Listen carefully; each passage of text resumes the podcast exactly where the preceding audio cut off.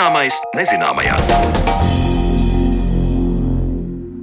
Esiet sveicināti, skanēt sāk raidījumu zināmais nezināmajā un ir jums kopā mēs Sandra Kropa. Šodien mēs raidījumā pievēršamies cilvēku ķermenim un mūsu ciešajai saiknei ar diennakts ritējumu. Līdzīgi kā visi dzīvi organismi uz mūsu planētas, arī cilvēks ir pielāgots saules ritējumam un par šo diennakts jeb cirkadiāno ritmu runāsim šodien raidījuma otrajā daļā. Skaidrosim, kas notiek cilvēku ķermenī vēlās vakar stundās, kā atšķirs miegs dažādu vecumu cilvēkiem un kādi hormoni izstrādājas, kad mostamies.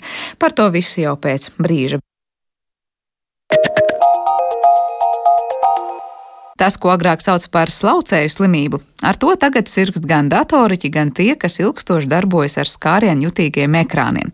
Kas notiek ar rokas muskuļiem, ja ilgu laiku tiek darbināti tikai īkšķi, par to mana kolēģe Zanelāce Baltalksne iztaujās Rīgas Stradiņu universitātes docenti Silviju un Braško. Izliekta mugura un kakls un deformēts īkšķis. Internetā var atrast vairākus modelētus attēlus, kā varētu izskatīties cilvēks pēc tūkstošu gadiem. Cik tas būs ticami, to vēl ir grūti spriest, jo ģenētiskās izmaiņas noris lēni un pakāpeniski. Bet kamēr zinātnieki prognozē, kā un cik lielā mērā varētu mainīties mūsu ķermeņa uzbūve nākotnē, tikām jau šodien ir vērojams, ka ilgstoša darbošanās ar vietālu runi izmaina plaukstu locītavas. Ja agrāk bija ierasts, ka veselības problēmas ar plaukstām ir mūziķiem, ķirurgiem, zobārstiem, jo ir ilgstoši jātur rokas noteiktā leņķī, tad kā tas ir, ja mēs skatāmies uz cilvēkiem, kuri regulāri lieto vietālruni vai planšeti ar pirkstiem darbojoties pa šo ierīču skārienu jūtīgo virsmu? To vaicāju savai sarunu biedrenei Rīgas Stradiņa Universitātes anatomijas un antropoloģijas institūta docentei Silvijai Umbraško. Mūsdienās nekas nav samazinājies. Neskatoties uz to, ka ļoti daudz kas ir mehanizēts un jānospiež, piemēram, viena poga tikai, ja, lai ieslēgtu attiecīgo mehānismu. Un noslogoti tiek parasti daļa muskuļi tieši veids kustību, ja, tā kā turot, piemēram, vietālruni, ja, strādā tikai īkšķi. Bet pārējie pirksti ir saspringumā visu laiku. Un, ja mēs īkšķus darbinam ilgāku laiku, tad, tad mēs arī noslogojam muskuļus ar vienādu darbu, ilgstošu darbu un ar pārslodzi. Un līdz ar to arī mums var attīstīties, protams, ne jau nedēļas, divu nedēļu laikā, bet ilgākā laikā mums var attīstīties tās pašas slimības, kas bija agrāk. Vēsturiski šīs slimības, piemēram, karpālā kanāla slimību, sauca kā slaucēju slimību. Un ar rokām mehāniski bija jāslauc daudzas govis. Bet mūsdienās praktiski tā jau vairs nav tikai slaucējas slimība. Tā ir datoriķa slimība, tā arī ir muzikantu joprojām slimība un arī bērniem, kuri nenoslogo, kā saka, smalkās kustības, neveic plaukstās, bet tikai strādā rīkšķi. Kas tas ir vispār? Tātad pastāv augšējā ekstremitāte, un arī e, citās ķermeņa daļās mēs varam teikt, ir lielā motorika un mazā motorika. Lielā motorika darbojas pleca locītava, salkoņa locītava, un mazā motorika skar plaukstas pirkstu kustības. Uz pirkstiem praktiski muskuļu nav, bet ir muskuļu cīpslas no apakšdāma muskuļiem. Apakšdāma muskuļi šeit pirms plaukstas pāriet tā saucamajā karpālajā kanālā, un šajā kanālā atrodas deviņas muskuļu cīpslas, ietvertas tādās saistaudu makstīs, kur ir nedaudz šķidruma, kas samazina bērzi starp cīpslēm, lai nu, darbības laikā mums tās cīpslas nenodilst. Un iet vidusnervs caur šo karpālo kanālu. Un ja mēs veicam vienveidīgu, ilgstošu muskuļu darbu, ar pirkstiem, ar plaukstu. Taču tās sīpslas diennakts laikā var iekaist. Iekaisuma rezultātā pietrūkst sinuvēlās makstis un spiež uz nervu. Līdz ar to naktīs mums tirpst plauksta. Un tas ir pirmais simptoms, kad plaukstas sāk tipt naktīs. Un tas uh, liecina par to, ka sāk veidoties tas karpālais kanāls. Tātad slimības rezultātā vienveidīgs, ilgstošs roku darbs. Un tas var būt strādājot ar peli pie datora vai spaidot vietāluņa taustiņus un tā tālāk. Jā, mēs noslogojam ilgstoši, pārslogojam muskuļu cīpslas. Vai arī ir tā, ka tie pārējie četri pirksti nevar teikt, ka viņi ir vai, vai kaut kādā veidā vai, vai deformējušies, vai netiek tik ļoti darbināti, un atkal tās īkšķu locītavas ir tā vairāk ieļotas? Jā, tās vairāk ieļotas, bet kā izlaicīgi mēs ieļojam, tas ir forši, tas ir labi. Bet, ja mēs ilgstoši to darām, tā pārslodze ir tas ļoti būtiskākais, kas izraisa šo karpālo kanālu sindromu.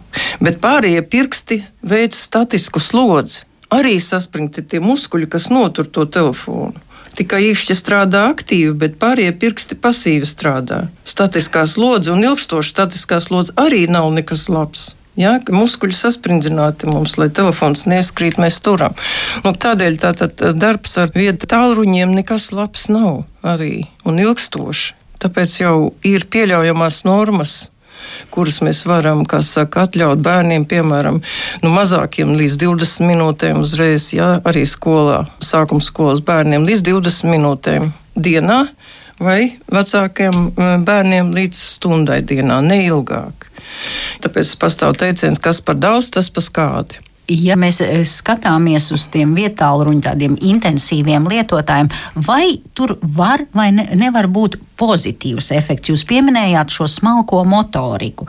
Ja, piemēram, skatāmies uz bērnu vai jaunietu, un ja viņš tomēr tur vai ar rādītāju pirkstu slidina pa to ekrānu vai ar to īkšķi, varbūt tādā veidā tas veicina arī kaut kādā veidā to smalko motoriku.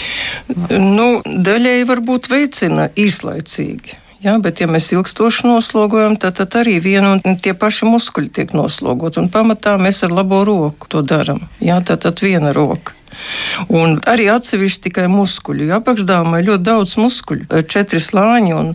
Pirmajā slānī pat četri muskuļi. Un tā kopā saskaitot ir daudz muskulīšu, visi skaitās tie tā saucamie veiklības muskuļi. Un mēs tikai daļu noslogojam, kad ir īkšķīšana darbojamies. Trīs muskuļi iet uz īkšķi no apakšdāma, un pārējie muskuļi jau netiek darbināti ja mēs ar rīkšķi darbojamies.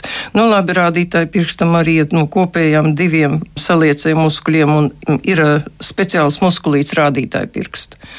Ir īpašie muskuļi, personīgie muskuļi, kā es mēdzu teikt, īkšķim, rādītāji pirkstam un mazajam pirkstiņam. Tātad šie muskulīši palīdz satveršanu. Līdz ar to mēs satveram, noturam. Un šos muskuļus mēs varam trenēt tieši attīstot to smalko motoriku. Un smalko motoriku mēs īpaši ar to vietālu runu nevarēsim attīstīt. Mums ir vispār jāsāk smalkā motorika trenēt jau praktiski no gada vecuma, kad bērns sēž. Un smalkās darbības veids ar pirkstiņiem satveršanu, pārliek mazus priekšmetiņus satver, iekšķus un, un rādītājs ar pinceti satver un noliek kaut kur vai ieliek vai samaina tos klucīšus mazos vēl kaut ko. Protams, tas ir viss jādara vecāku kontrolē vai audzinātāju kontrolē, jo mazu priekšmetu bērnam nevar dot vienam pašam, ja viņš var iebāzt mutē. Jūs pastāstījāt par to, kā plaukstas un pirkstu muskuļi mainās vai deformējas lietojot vietāluņus. Kā tas ir ar pārējo cilvēka ķermeni? Jo bieži vien jau mēs arī redzam, ja cilvēks viņam ir e, tas vietālu runis, tas noliektais kakls arī uz leju ir Jā. parasti. Kā? Jau ir tagad pierādīts, ka lietojot ilgstoši vietāluņus, planšetdatorus un tā tālāk, mēs sabojam redzi. Jo nevienmēr ir e, pareiza, ergonomiska sēdēšana. Tas ir viens redzes bojājums, daudz. Otrs, mēs sabojājam mugurkaulu. Sēžot, mums galva ir lejā, un krūtīs, krūšu daļā mugurkaulam veidojas kūkums. Pleci uz priekšu, un mēs saspiežam krūšu dobumu, vēdera dobumu. Starp krūšu dobumu un vēdera dobumu ir diafragma. Un mēs nosprostojam to diafragmu. Diafragma ir galvenais ielpas muskulis. Tad viņš mums visu laiku nospies. Mēs elpojam tikai ar plaušu augšējo daļu. Sirds asinsvadi tiek nospiesti visi. Arī nervi, iekšējie orgāni, vēdera doma arī tiek saspiesti. Ja? Tad, tad praktiski mēs nodaram lielu skādi gan mugurkaulam, gan iekšējiem orgāniem, asinsritē. Un e, mums Anatomijas antropoloģijas institūtā, antropoloģijas laboratorija veicam ilgstoši tādu pētījumu jau no dzimšanas līdz 17 gadu vecumam. Un tagad nāk bērni, kuru Covid laikā mēs nevarējām pētīt. Reizi gadā mēs viņus izsaucam pie sevis un veicam mērīšanu. Un tagad pie mums nāk bērni, kuriem samazinās augums. Kādēļ? Tādēļ, ka krūšu kūkums krūšu daļā mugurkaulam palielinās, tā kā vecākam cilvēkam kūkumi palielinās. Līdz ar to tas augums paliek mazāks, jo izlocījums uz mugurpusi krūšu daļā palielinās. Un māsiņas pārmēra vairākas reizes, lūgdamas, lai viņi iztaisnojas tie bērni, bet viņi nevar visi iztaisnoties. Un tas ir viens, ka kūkums, bet daudzi bērni spaidot tos tālruņus, sēž šķīvi un bieži vien, piemēram, uz vienas saliektas kājas. Tā tad pilnīgi slīpi. Līdz ar to mēs veicinām skoliozes attīstību. Un skoliozi mugurkaulā jau praktiski neizārstējam. Viņi var apturēt, bet neizārstēt. Arī pieaugušajiem, kuriem skelets un muskulatūra jau ir nostiprinājusies, darbojoties pie datora vai ar viedierīcēm, nepareiz turot ķermeni, var attīstīties muguras problēmas. Galvenais ir pareiza darba virsma, pareiza ķermeņa pozīcija un normēts laiks, ko pavadām lietojot minētās ierīces, tā teica Silvija un Braško.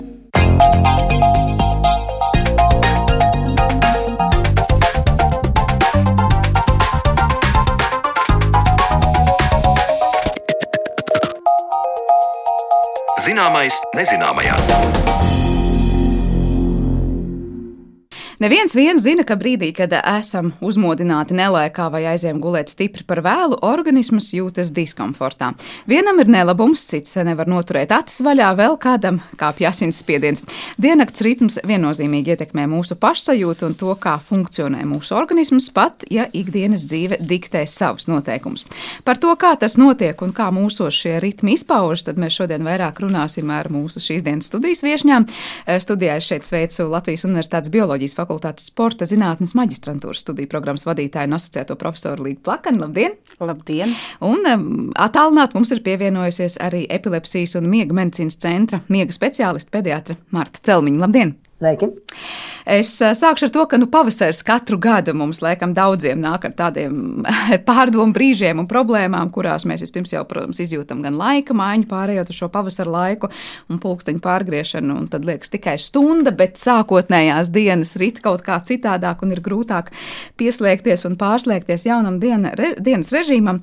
Gribēju vaicāt, cik ļoti tiešām, nu tad sākšu ar Martu, tāda viena stunda pavasarī pagriežot pulksteni turpu vai šurpu patiešām ietekmē to, kas notiek mūsu organismā, tā, tās nav tikai iedomas, ka mums pēkšņi ir kļuvis grūtāk pamosties. Jā, tas ir kā kuram cilvēkam. Tad, ja mēs runājam teiksim, par dažādiem cilvēku tipiem, vienkāršotākā versijā, varbūt vecākā versijā, puķis, cīruļi vai kaut kādā jaunākā versijā ir dažādi dzīvnieki. Vilks, lācis, lauva, delfīns. Jā, tad katram no mums ir citādāks gulētiešanas ritms. To sauc arī par chronotipu, jeb tā kā pulksteņa tipu, kam mēs esam pielāgoti.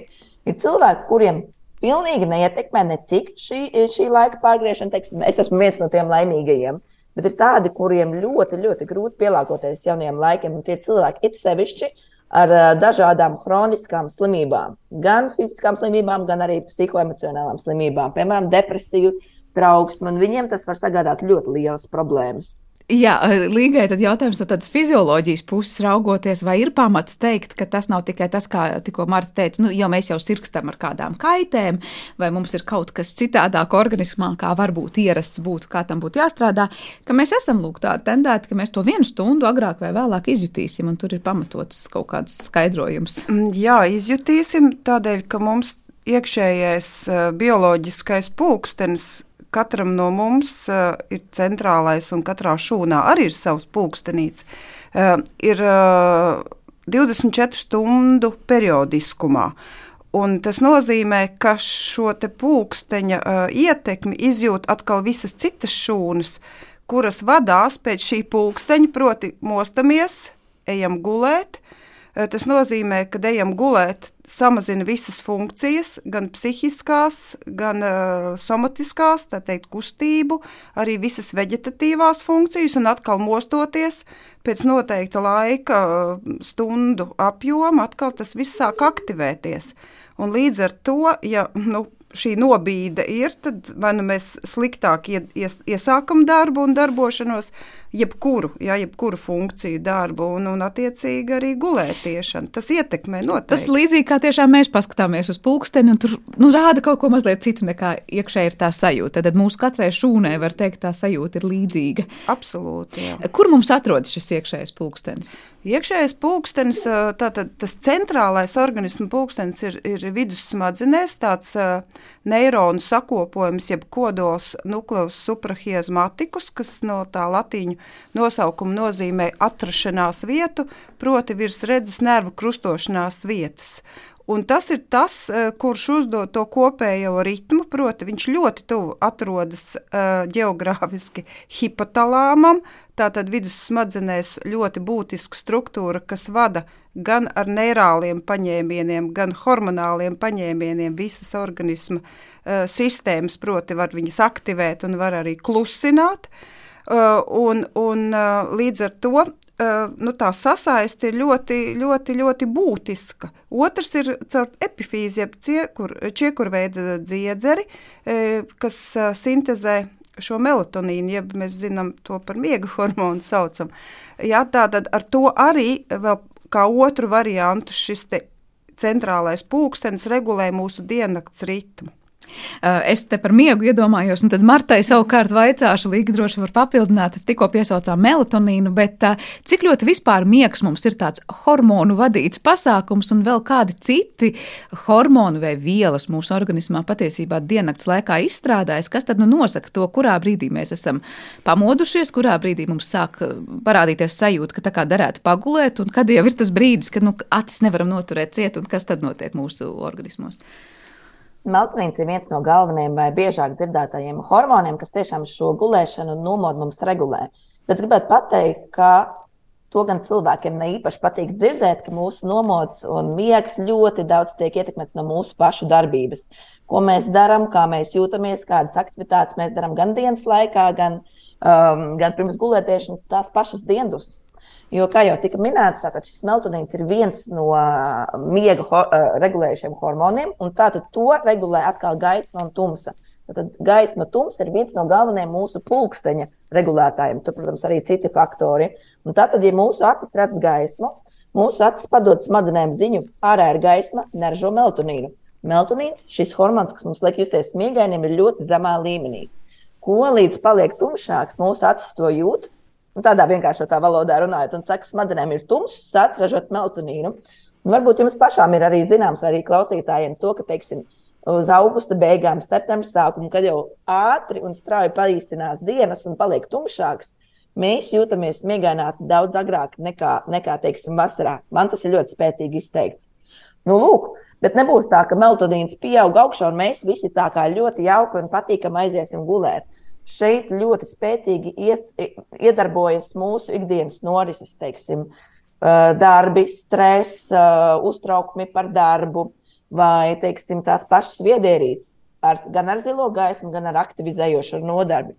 Un tad vēl mūsu smadzenēs ir nu, tātad, šo pulksteni regulē arī tādi gēni, ko sauc par pulksteņa gēniem, kas dienas laikā un naktas laikā sintēzē, jeb ražo dažādus, dažādas vielas. Un to arī var saukt par miega spiedienu. Uh, Tātad miega spiediens, jeb šīs vielas, kas sakrājušās šūnās, dienas laikā ir mazs, viņš pa dienas laiku pieaug, pieaug, pieaug līdz vakaram, kamēr mums šis vielu daudzums ir diezgan augsts, tad mums gribās gulēt.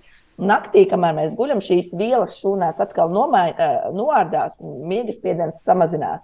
Un tātad, piemēram, vēl viena mūsu darbība, piemēram, dienduses. Mēs jūtamies noguruši un aizējām pa dienu pagulēt kādas labas 2, 3, 4 stundas, nevis 20, 30 minūtes, kā būtu labam, labi. Tad mums miega spiediens samazinās ļoti zems, un līdz vakaram atkal nepaspēja pieaugt pietiekami liels. Tāpēc mums negribēs iet gulēt, tāpēc mēs aizējām vēl gulēt, tāpēc, teiksim, divos, trijos no rīta pamostamies septiņos, jūtamies slikti, un tā esam iegājuši tādā apurtajā lokā. Mēs paši ar savu rīcību izjaucam šo ritmu. Sa, jā, es gribēju teikt citu vārdu, bet izjaucam ritmu. Jā. bet tajā brīdī, kad tās vielas krājās, krājās, krājās, var teikt, tas ir neatkarīgi no mūsu gribas. Katru rītu pamostoties, var teikt, mēs esam moži, pamodušies, un tad sāk šīs vielas sintēzēties mūsos, ja, tad, tad veidoties. Un līdz vakaram, gribot, negribot, tās būs izveidojušās. Ja mēs tajā brīdī teiksim, nu, viena negulē gulēta nakts, jā, tad, tad izlaidām, eh, un tāpēc ir tas teicies, nu, nevar atgulēt to miegu pēc divām vai trim dienām.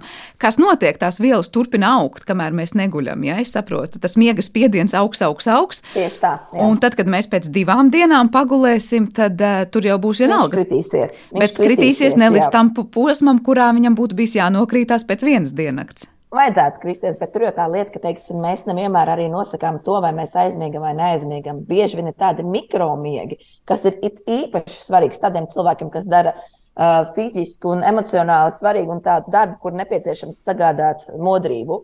Viņu smadzenes var aizmigt uz mirkli, un to jau mēs nekontrolējam. Nu, iedomājieties, teiksim, cilvēks nav ilgstoši gulējis, un tu brauc pie stūra, un viņa smadzenes aizmigt uz dažām sekundēm.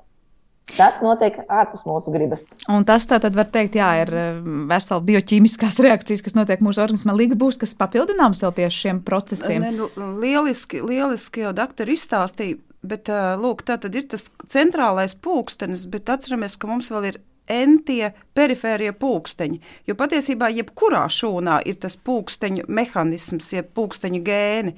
Un tādu ir ļoti daudz. Lielākā daļa ar šiem gēnu produktiem ietekmē citu funkciju uh, realizāciju, bet viena daļa no tiem produktiem realizē to ritmiskumu paša šūnas aktivitātē.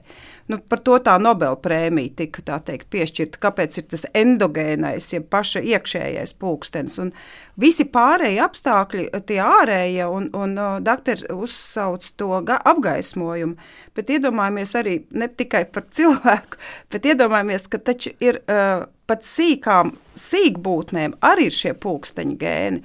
Un tad to var pieregulēt, piemēram, uh, barības pieejamība, drošība, teiksim, cik efektīvi viņam ir pārvietoties tur tumsā vai gaismā, atkarībā no tā, kas ir viņa laiks, ja? aktivitātes laiks, temperatūra. Starp citu, cilvēkam arī temperatūra ļoti būtiska. Tad, ka mēs nevaram aizmigt vai varam aizmigt. Jā, jā, jā. jā. un tā tad visādi arī okay, tā apskābekļotība, tie būtu tie ārējie faktori, kas nu, droši vien mēs vēl varam tur atrast kādu. Bet, protams, ļoti būtiski tur, kur mēs paši pārkāpjam, kā doktora teica, ir tā mūsu, mūsu dzīves higiēna, jeb tas, tas mūsu dzīves ritms. Ja? Nu, tas, ka tiešām iemīgot vēl jāpaskatās telefonā, kas nu tur atkal ir piedzējot iekļauts kaut kādās tur sarakstēs, vai ziņas, kas nu, ļoti reti ir labvēlīgas, un tā tālāk. Vai iedomājieties, tad šis te, uh, stimuls, ok, galvas smadzenēm, ko domāt, asociācijas un tā tālāk, bet vēl jauks ir paņēmiens, kā nojaukt šo te pulksteni, ir tā teikt, no darbistabas soļojot uz vannas istabu un uz guļabu istabu iziet caur virtuvi. Un tur ceļā leduskapis. Ja? un tad mēs drusku paveram. Jā, ja? un tad, tad lūk, kas notiek? Aha, nu kaut ko drusku. Tātad uzreiz kuģis sāk strādāt, zarnas sāk strādāt, prasa lielāku elpošanas intensitāti, labāku asins apgādi, un viss šī perifērija atkal ziņo centram par aktivitāti. Tad it kā ir rīts, ja? Un otra lieta, ko es, ko es gribu pieminēt, fiziska slodze, starp citu, īsi pirms gulētiešanas, arī nav tas labākais, jo tad nāk tā aktivitātes ziņa no skeleta muskuļiem strādājošiem. Un lūk, nekāda iemikšana, ja tas režīms, ko centrālais dod visu samazināt, tiek uzaktivēts. Un līdz ar to, kā doktori teica, rodas pārslodze smadzenēm, pirmām kārtām jau smadzenēm. Var teikt, mēs ieslēdzam tajā brīdī to galveno pulksteni vai, vai pabakstam to galveno pulksteni, sakot mānīgi, ka tie pārējie pulksteņi signalizē, nu jā, ka tie būtu... padod savu informāciju. Bet kā ir ar tiem brīžiem, kad cilvēks teiktu, es ne par ko nestresoju un tiešām esmu mierīgs un nekādus telefonus nelietoju pirms tam, bet vienkārši gulēt, ejot, liekas, ka tā galva ir pilna ar dienas, nu, nezinu, kaut kādām situācijām vai, vai nākotnes plāniem, un varbūt pat labs noskaņojums var būt, bet ir tā sajūta, ka domas skrien un tās izslēgt nevar. Tas nozīmē, ka tas perifērais pulkstenis ir iedarbināts kaut kādu citu nezinu, nosauktu vai nenosauktu faktoru dēļ? Nu jā, šeit, šeit ir tiešām vēl viens papildus mehānisms, ka mums ir tāda vēl sistēma smadzenēs, kas regulē šo pāreju no miega uz nomodu vai no nomoda uz miegu. Abas ir tāda retikulārā formācija. Ja? Tas ir? Tāds smadzeņu, smadzeņu šūnu tīklojums, kas ir it kā tātad abos virzienos, gan no perifērijas, nākošās informācijas samazināšanu uz galvas smadzenēm, tā kā apzināti kontrolēt, analizēt. Ja? Tad, tad vajadzētu šo ceļu nobloķēt. Un atkal otrā virzienā ka tā apzināta galvas smadzeņu komanda mostamies, sākam strādāt, lai gan es esmu tāds miegains, tūlīgs un, un tāds, kā sacīt, mīksts un pūkains, tad tā apziņa liek un atkal it kā ieštepselē, ieštepselē ka viss ir jāsāk rīkoties, es ieraugā, re, kur zobu pasta jāiztīra zobi, re, kur kafijas kanna jāieslēdz uh, ūdens vārīties un tā tālāk. Tātad abos virzienos šī pāreja uz vienu vai otru no diviem funkcionāliem stāvokļiem iekšā nomots, ir caur šo palaišanas sistēmu, kas var strādāt kā aktivizējoša un kā kavējoša.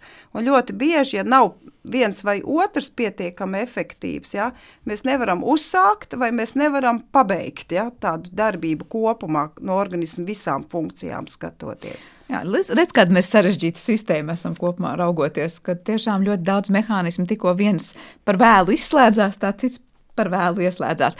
Bet uh, te sarunas sākumā Mārta minēja šo te uh, pūces un cīruļus kā novecojošo uh, dalījumu un tad piesauc klāt vēl virkni citu dzīvnieku. Es gribēju tad precizēt, kas īsti šobrīd ir jauns un citādāks nācis klāt tajā, kā mēs uztveram, cik ļoti mēs tiešām esam, var teikt, nu, visi iedalāmi kaut kādās grupās, atkarībā no tā, vai mēs esam aktīvāki, vai visi tie procesi, ko Līga tikko stāstīja mūsos, citādāk ieslēdzas noteiktos diennakts laikos. Man pašai joprojām patīk pūcis, cīrulis, un vēl, es esmu dzirdējis, ka vēl cits saka, balodis. Ja? Piemēram, es pats sev ļoti spēcīgi izjūtu pūcis ietekmi, un ja man nebūtu kaut kādi regulējošie parametri, teiksim, no rīta jāceļas uz darbu, uh, tā, tā, tā tālāk un tā joprojām. Es ļoti spēcīgi ieslīdētu naktī un sāktu darboties naktī un gulētu visu rīta cēlienu. Tas tā kā man iekšējā, iekšējā vēlme ir, bet es zinu, ka arī dažādi citi dalījumi, kā es teicu, delfīns, vilks. Ar ko tie uh, atšķiras? Nu, pūci cīrulis mēs katrs zinām. Viens tātad jā. ir vairāk no rītiem, viens vairāk vakaros aktīvs. Kas ir ar delfīniem, vilkiem un lapsām un kas tur vēl bija? Un tur viņiem arī ir tā, tā, vienkārši tā līdzīga, bet sīkāk iedalījuma. Teiksim, pa dienu, eh, dienas sākumā vieglāk strādā, pēc tam eh, pēcpusdienā grūtāk, kā vakarā. Nu, katram ir drusciņi kaut kāda cita, eh, cita, cita paveids. Ja, bet es joprojām pati pieturos tai pūcei un cīrulim. Bet cik tas, tas ir tāds vieglāks sastopams? Ja? Bet cik tas ir patu, pa, pamatoti, jo bieži izskan šis apgalvojums, tas ir tas, cik ļoti cilvēks var vai nevar pierast. Tas ir jautājums par disciplīnu, tas ir jautājums par to, eh, nu, nāks ar gadiem, pieradīs, un, kā saka, pūci var pārtaisīt par cīrulu un otrādāk. Vai tam ir vai nav pamatojums? Mm, šiem iedalījumiem ir kāds arī ģenētiskais pamatojums, un tur savā daļā. Ja? Tā kā liela daļa no tiem jautājumiem, kas skar mūsu ķermeni un prātu, tur ir dažādi faktori, gan ģenētiskie, gan vidas, gan pašu psihes un uh, higiēnas jautājums. Piemēram, um, pūci, cīruli un visus chronotipus ietekmē, tātad, kā jau teicu, ģenētika. Ietekmē dzimums, ietekmē vecums. Un, piemēram, bērni vairāk ir cīruļi. Tātad viņi vairāk, mazie bērni, es domāju, iet ātrāk gulēt, ātrāk ceļas. Ja mēs aizejam uz pusauģu gadiem, tad pusauģi vairāk pārslīd uz otru pusi, uz pucēm. Viņi diezgan vēl var aiziet gulēt. Un pieaugušo vecumā mēs atkal atslīdam atpakaļ tā kā vairāk trusciņu stīrulisko pusi. Un šeit tomēr kas, kuram ir, tā, uh, ir tāds tuvākais. Ja? Bet šeit mūs ļoti, ļoti daudz ietekmē šī mūsu pašu rīcība celšanās, gulētiešana, darbības vakarā. Un, pieņemsim, to es uz sevi ļoti pamatīgi esmu izvērtējusi. Vairāk ir tas režīma jautājums un gribas jautājums, vai, vai līga piekritīs vai oponēs. Eh, pilnīgi noteikti tā personīgā higiēna uh, nosaka to un uh, ilgtermiņā. Un, uh, bet redz, ar to melatonīnu, ko es gribētu pieminēt, arī jau notiek saka, izmaiņas, jo bērniņam viņa ir vairāk. Uh, un uz vecumu būtiski samazinās. Nu, teiksim, no 40, 45 gadu vecuma tā koncentrācija, ko sekretē tā epifīze. bet līdz ar to arī e, mainās arī tādas svārstības diennaktī. Un tāpēc ir bērniņam ir, ir īsi tie nomoda, maz, mazulīšiem uh, ir īsi tie nomoda periodi un gari tie miega periodi, un vecumā mēs redzam atkal vajag to snaudienu, vai ne? Daktar. Jā, Marta, droši. Jā, pieņemsim, pusauģiem šī melatonīna izlīšanās arī aizkavējas. Mm -hmm. Ja mums pieaugušiem, teiksim, nezinu, 9, 10, es saucu vienkārši skaidrs mm -hmm. no galvas, tagad, ja, tad pusauģiem melatonīns dabīgi vēlāk aizkavējas. Viņiem tas pīķis, ja pieaugums ir arī vēlāk naktī. Tāpēc viņi, tas ir viens no faktoriem, kas viņiem grib iet gulēt vēlāk. Un, nevienīgais. Un tā ir bioloģiskā ideja, tā evolūcijas ideja, jeb ontoģenētiskā ideja tai attīstībai. Tātad nosacījums, kāpēc to jā, vajag. Jā. Es lasīju vienā grāmatā par miegu, kur tieši jūs piesaucāt pusauģus un šo te nobīdi tajā, kad šis meltonīns.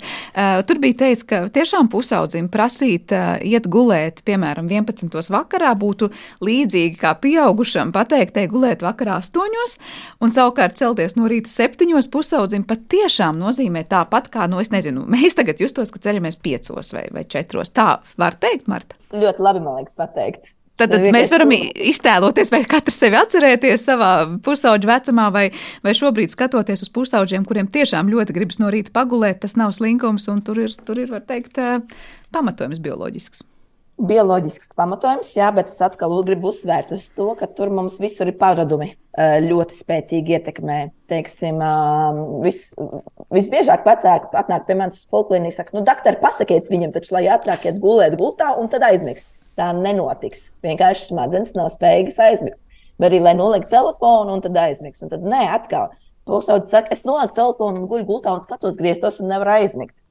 Un tas ir ļoti plašs jautājums. Bet cik lielā mērā tas uzdod jautājumu par to, cik ļoti atbilstoši tiek ņemti vērā, piemēram, kaut vai mācību laiki, kuros notiek stundas, ja nu, sākās stundas, ietekmē, neietekmē to, kas notiek tālāk tajā pusauģa organismā. Ja viņš tiešām tās trīs stundas ir gulējis acīm vaļā un Jā, nav izgulējies. Ak, Dievs, tik, tikko bija uh, jauna šī gada publikācija par to, bet to nedrīkst nemaz publiski Latvijas rādio paust, par to, ka patiesībā smadzenes uzņemt jauno informāciju jau ar tādu, kā saka, referenci, ka no tā veidojās kaut kādas asociācijas un paliekošas zināšanas, ko var izmantot tālāk, e, nav pareizi agrās rīta stundās, ņemot vērā, ka tā organisma atmošanās nu, ir pakāpenisks process, kuru nevar tā kā armijā ir gongs un viss stāv jau biksēs, cepurēs un roku pie, pie kā saka, deniņiem jau, tā teikt, sveicinājumam, jā. Ja kā padomju laikos. Nē, nevar, un, un, un tas, ka sāk lekcijas astoņos, ir esot ārkārtīgi aplamīgi. un tad es atkal domāju, bet tik labi atkal otras dienas gals. Mēs nevaram tās aktivitātes, kādreiz ir mācības arī tur. tur astoņos vakarā, jā, jā, astoņos un vēl vēlāk ir gluži tas pats. Tātad būtiski ir jāievēro tās stundas, kad smadzenes ir visspējīgākās, visefektīvāk strādāt un nevis likt tev pārslodzi. Jo citādi apzinīgie jau darīs, bet tā ir ļoti liela pārslodze un kāds ir efekts no tā, vai ne? Uz kā rēķina to dara? Martai būs kas piebilstams? Jā, ir ļoti daudz pētījumu šajā jomā. Teiksim, man īpaši patīk pētījums, kur paņēma kādu skolu Lielbritānijā, kurai vidējais līmenis bija zems nu, mācību uh, sekmi līmenis bija zem vidējā līmeņa Lielbritānijā. Viņiem pārcēla skolas sākumu uz vēlāku laiku, kaut kādiem pulksten desmitiem, un bum, pirmā gada laikā sekmes pieauga virs vidējā līmeņa Lielbritānijā. Nākamajā gadā vēl pieauga, un atbilstoši arī kavējumi mazinājās. Trešajā gadā skolas sākuma atkal pārcēla oriģinālus, cik tur astoņiem vai cik tur, viss sekmes samazinās, kavējumi pieaug. Tātad pilnīgi piekrītu šī produktivitāte. Jā, jaunieci varbūt ir klāt, viņš sēž ar vaļā acīm, bet produktivitāte ļoti zema. Tas, ka tas, kas notiek smadzenēs tajā brīdī, pavisam noteikti var teikt, ir mūsu acīm slēpts. Bet vēl viens posms, Līga tikko minēja, nu jā, tas ir bioloģiski pat pamatots, ka jauniešiem tajā vecumā melatonīns izstrādājas citādāk. Tātad tur ir nozīme, kāpēc viņi iet gulēt vēlāk un mostas vēlāk. Kā ir ar vēl vienu posmu mūsu dzīvē, tad, kad ir zīdaiņu vecāki, kā zināms, ja posms, kad arī nu, tiešām mēs sākam dzīvot pilnīgi pēc cita miega vispār, vai teikt, bez miega režīma. Kas tad notiek ar tiem iekšējiem pulksteņiem? Vai tas atkal, jūs teiksiet, ir bioloģiski kaut kādam posmam pamatoti un, un, un panesami organismam, vai tā ir tāda kārtīga tā mūsu iekšējā pulksteņa bendēšana? Nu, vairāk tas pēdējais. Uh, nu, tā, tik ļoti padomāts par to nav, ka varētu um, bērniņa agrīnās vecuma, vecuma posmā vecākus bišķi kaut kā citādi sakārtot. Uh, Un viņa miega režīma, diemžēl, mums ir tie instinkti, kas ir, ir nu, lielākai daļai, es gribu cerēt, cilvēku, ir, ir pamati instinkti rūpēties par, par, par sugas turpinājumu, par pēcnācēju veselību un, un, un attīstību, un mēs pielāgojamies tam bērna ritmam, bet mūsu smadzenēm tā ir milzīga pārslodze. Tas, tas, tas pavisam noteikti Jā. ir izsis no līdzsvara. Jo nu, jaunās māmiņas ir, ir, ir laimīgas un smaidīgas tajā dienā, kad tas mazulīts ir nakti gulējis. Nevis, ka viņš ir pa dienu uztaisījis lielo tūri, bet ka nakti viņš ir nogulējis kaut cik tādu vien, viendabīgu periodu pilnīgi cita dzīves kvalitāte ir uzreiz māmiņai. Martai droši vien ir ko piebilst, jā, gan no jā, pediatrijas, gan no miega speciālists raugoties puses. Mans, mans ikdienas uzdevums, es runāju tieši šādām, šādām māmiņām, kuras uztrauc bērniņu gulēšanu. Un tad īsajā stāstā ir tāds, ka bērniņa cikls pēc 3-4 mēnešu vecuma ir apmēram 30-40 minūtes. Tātad, kad viņš izguļ vienu miega ciklu, un tad varbūt pamostas un atkal iet gulēt. Un šajā gadījumā ir tā, ka bērniņš pamostoties bieži vien nespēja pats atkal iemigt, jo viņam aizmigšana asociējas ar kādu noteiktu stāvokli, teiksim, mammai pie krūts, vecākam rokās vai nu vienalga vai vecāku gultā. Nu, lūk, bet pieaugušiem miega cikls plus mīnus vismaz naktas sākumā ir 90 minūtes. Tātad iedomājieties, ja mēs tagad esam dziļi savā jaukajā miedziņā aizmiguši, mazliet pamostas un grib raudāt, nu, grib, lai mēs viņu nomierinām, mēs viņu nomierinām, aizējām paši gulēt. Un mēs jau nenonākam uzreiz tajā vērtīgajā, labajā, dziļajā miegā. Mēs atkāpsim saklajās miega fāzēs. Mūsu smadzenes nedabū to labo, produktīvo miegu, kas ir nepieciešams. Un šis ir tāds milzīgs, milzīgs arī liekas, sociāls jautājums. Jo citi vecāki saka, es jūtos priecīgs, kas nepieciešams savam bērnam, bet citi vecāki jūtas ārkārtīgi slikti, jo viņu smadzenēm nav šī labā, dziļā miega vai sapņu miega, kas nepieciešams, lai smadzenes strādātu. Un tur strauji pieaug gan depresijas, gan trauksmes, gan nu, visādu slimību risks. Un, diemžēl šajā gadījumā saku, sabiedrība ir diezgan neatbalstoša pret jauniem vecākiem. Mm kuri saka, ka viņi grib izgulēties, un kuri atļaujas pateikt, ka viņi nav izgulējušies un nav labi tas. Tad no sevis tas nemēģina. Jā, jā nu, te ir tiešām jautājums. virkne vēl jautājumu, kur gribētos vaicāt vēl un vēl detaļās jums abām, gan par to, kā jaundzimušie guļi, gan par to, kā vispār dzīves laikā mainās mūsu miegs. Bet es vēl gribēju atgriezties pie tā jautājuma, kur mēs iesākām par, eh, par to, kā tā viena stunda turpu šurpu mūs, mūs maina, eh, ceļošana un būšana dažādās laika joslās. Vēl viena lieta, kas ir dzirdēta, lasīta, ka proti jo vairāk stundas ir tā nobīde, jo ilgāks dienu skaits ir vajadzīgs, lai mēs to pulksteni savu iekšējo atliktu atpakaļ. Taisnība, nav taisnība, ir pamatojums. Marta, sākšu ar jums, un tad līgai vārds. Jā, protams, jo tas atkal tas, ka mēs tiekam iesviesti pilnīgi citā laikā, un tad es varētu pateikt, iedomājieties, nu, jums jāpārmaina, teiksim, sešas stundas, aizbraucat uz laiku joslu, kur sešas stundas atšķīra. Tas būtu tieši tāpatās, kā, teiksim, šokā reiz gulēt desmitos, bet mosties sešas stundas ātrāk nekā jums ir pierasts un tagad sāciet dzīvot pēc tā laika. Tas, tas viss notaļ ietekmē smadzeņu darbību un paiet kāds laiks, kamēr smadzenes un visi iekšējie pulksteņi pielāgojas šim jaunam ritmam. Līga var teikt, es nezinu, stunda uz diennakts rēķina, kamēr to pulksteni iekšējo atkal noliek atpakaļ. Jā, un atkal būs tas, ka kādam tas ir vienkāršāk, kādam ir grūtāk. Te ne tikai pārceļošana laika joslās, bet arī ļoti sāpīgs jautājums ir eh, nakts dežūras profesijās, kurās ir šis maiņu darbs.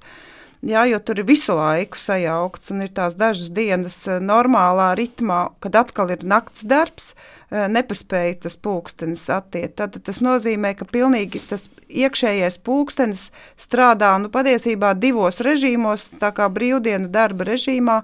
Ilgtermiņā tas nav vēlami, un nu, tiem, kas strādā naktas dežūras, tomēr cik vien var reti, ja to var atļauties profesijās kā medicīna, kur trūkst ārstu, kas varētu tā teikt nomainīt tos naktas Vai vismaz regulāri, nu, piemēram, ja tās ir pirmdienas, tad katru nedēļu pirmdienas? Jā, noteikti. Tātad ir arī jau ne tikai šie diennakts cikli, bet ir arī lielāki, plašāki cikli. Uh, nu, unikālākie no tiem dzīvniekiem ir tā sauktiem ziemguļas dzīvniekiem. Ja? Tur ir tātad aktivitātes gada laiks un, un, un, un pilnīgais miera laiks. Bet, bet tik labi arī tas attiecās ne tikai uz barības pieejamību, bet tikpat labi uz vairošanos un tā tālāk.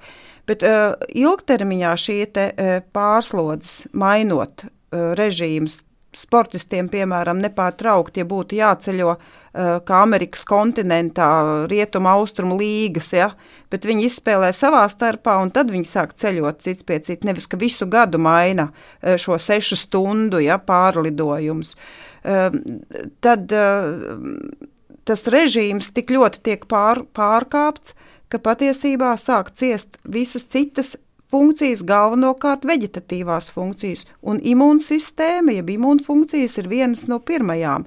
Tātad parādās visādas jaunas, kas kļūst par kroniskām kaitēm saistībā ar sirds asinsvadu slimībām, vielu maiņas slimībām, sliktākajā scenārijā arī tiešām onkoloģiskas izmaiņas. Tātad tas, tas, tas nav, nav vēlami ilgtermiņā. Tātad tam ir jābūt cik vien var ma maz laikā maz bieži, ja, jeb reti, citiem vārdiem sakot, laikā šādas te, nu, pārmaiņas pa laika joslām. Un, protams, tas stāsts, kāpēc vieglāk ir pār, pārvietoties uz austrumiem, un mēs labāk adaptējamies nekā uz rietumiem, jo tur mums palīdz tas geofizikālais pulkstenis, tā saulīte, tā gaisma mums palīdz. Tas ir viens faktors vairāk mums tā kā strādā tas par palīdz, labu. Ja? Jā, mm -hmm. tas palīdz vieglāk. Un uz otru pusīti pārceļojot, nu tad ir. Tas ir tā kā griezto pulksteņu radītāji pretēji pulksteņu radīšanas virzienam. Otrā gadījumā tas mēs tā kā pātrinām Pāt. vienkārši to.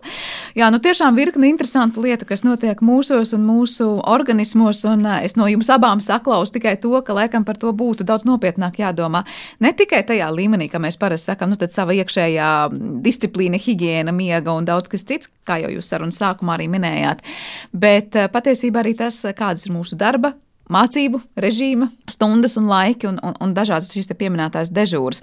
Vēl tikai noslēdzot šo sarunu, es līgai gribēju vaicāt, tad līgi pieminēt tos perifēros pulksteņus. Mēs varam teikt, ka tajos brīžos, kad jau ir tur tas vakars, vienalga 7, 6 vakarā vai 1 naktī, ka tas ir atšķirīgs laiks, cikos mums katrs orgāns var teikt, aiziet gulēt, ja tā var teikt. Varam teikt, ka tur nieras tad jau guļ, aknas tad jau guļ, un tāpēc nevajag tur uzēst varbūt vakarā, tad, kad tur to funkciju, nu, tādā pilnā mērogā šis, šis šis orgāns neveiks. Jā, noteikti tie ir tie perifēro pulksteņu režīmi, bet nieras nevarētu mēs te pieskaitīt, jo tās nabadzītas strādā nepārtraukti nepārtraukti dienu, nakti un ar augstu intensitāti. Bet viņām ir jāstrādā tā, ka viņām ir jāstrādā, tad jātīra tās asins no visu, ko mēs tur esam saražojuši, vairāk vai mazāk, un tad, tad mainot urīnu blīvumu vai, vai, vai tilpumu, bet uh, aknām noteikti ir, ir pilnīgi lieka tāda, tāda slodze, kā eh, cukura līmeņa paaugstināšanas dēļ tagad no, novienādot, sakārtot to, to atkal stabilitāti asins plazmā glikozei, bet aknu funkcija ir arī visu kaut ko sintezēt, proteīna sintēze, piemēram, viena no, nu, tad, tas ir tas, tas darbs, kad, kad, kad citi guļ, aknām tas būtu strādā? Jādara, tā kā papildus slodzi likt, tas tā ir pārslodze atkal konkrētam orgānam. Un tad savukārt mēs ejam pie ārstiem un sakām, kaut kas īsti nestrādā kā vajag, jo izrādās esam likuši strādāt kādam orgānam pārslodzes režīmā, tā varētu teikt. Liels jums abām paldies par šo sarunu, lai gan tiešām tā varētu vēl daudz un dikti turpināties, jo es domāju, mums katram būtu sevi interesējošie vēl jautājumi gan par tiem režīmiem, kas mūsos iekšā dien dienā sadzīvo, gan to, cik ļoti dažādiem pulksteņiem patiesībā mūsu organisms ir pakļauts. Paldies, Marta Celmiņa, tātad eh, epilepsijas un miega medicīnas centra miega speciālistu un pediatri bija kopā ar mums šajā raidījuma pusstundā tālināti, un studijā savukārt bijām kopā ar Latvijas Universitātes bioloģijas fakultātes sporta zinātnes eh, maģistrantūras programmas vadītāju asociēto profesoru Līgu Plakani.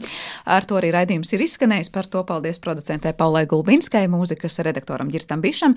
Rein Ainis Budze bija skaņu režijā un es Sandra Kropa studijā. Mēs tiekamies jau pavisam drīz. Visu labu!